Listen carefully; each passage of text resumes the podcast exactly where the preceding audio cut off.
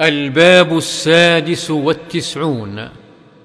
باب وداع الصاحب ووصيته عند فراقه لسفر وغيره والدعاء له وطلب الدعاء منه.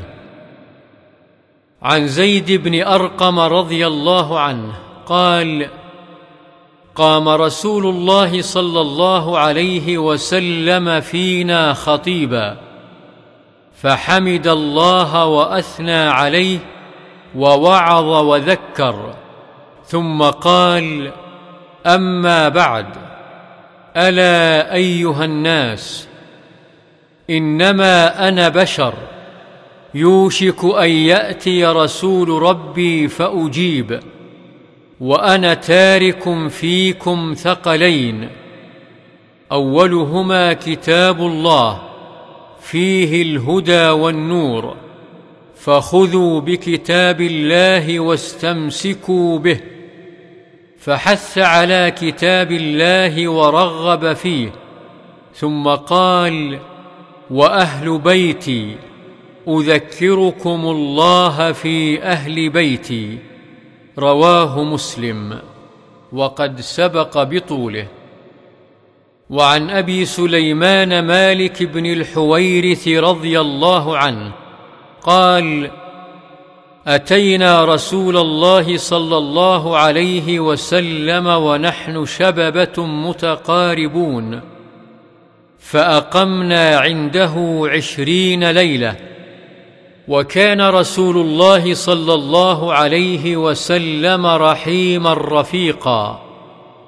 فظن أنا قد اشتقنا أهلنا فسألنا عمن تركنا من أهلنا فأخبرناه فقال ارجعوا إلى أهليكم فأقيموا فيهم وعلموهم ومروهم وصلوا صلاة كذا في حين كذا. وصلوا كذا في حين كذا فإذا حضرت الصلاة فليؤذن لكم أحدكم وليؤمكم أكبركم متفق عليه. زاد البخاري في رواية له وصلوا كما رأيتموني أصلي. قوله رحيما رفيقا روي بفاء وقاف وروي بقافين أي رقيقا.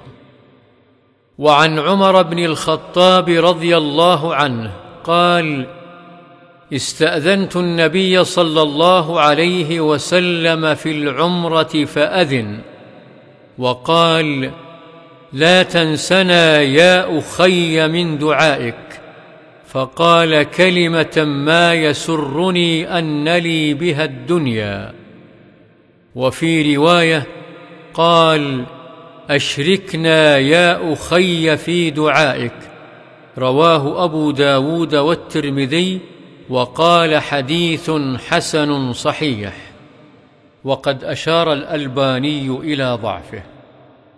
وعن سالم بن عبد الله بن عمر أن عبد الله بن عمر رضي الله عنهما كان يقول للرجل إذا أراد سفرا أدن مني حتى أودعك كما كان رسول الله صلى الله عليه وسلم يودعنا. فيقول أستودع الله دينك وأمانتك وخواتيم عملك. رواه الترمذي وقال حديث حسن صحيح.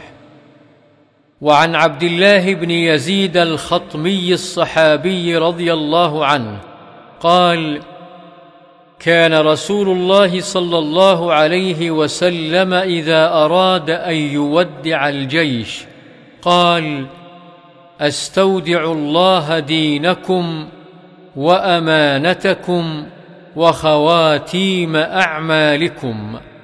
حديث صحيح. رواه أبو داود وغيره بإسناد صحيح. وعن أنس رضي الله عنه قال جاء رجل إلى النبي صلى الله عليه وسلم فقال يا رسول الله إني أريد سفرا فزودني. فقال زودك الله التقوى. قال زدني. قال وغفر ذنبك. قال زدني. قال ويسر لك الخير حيثما كنت. رواه الترمذي وقال حديث حسن.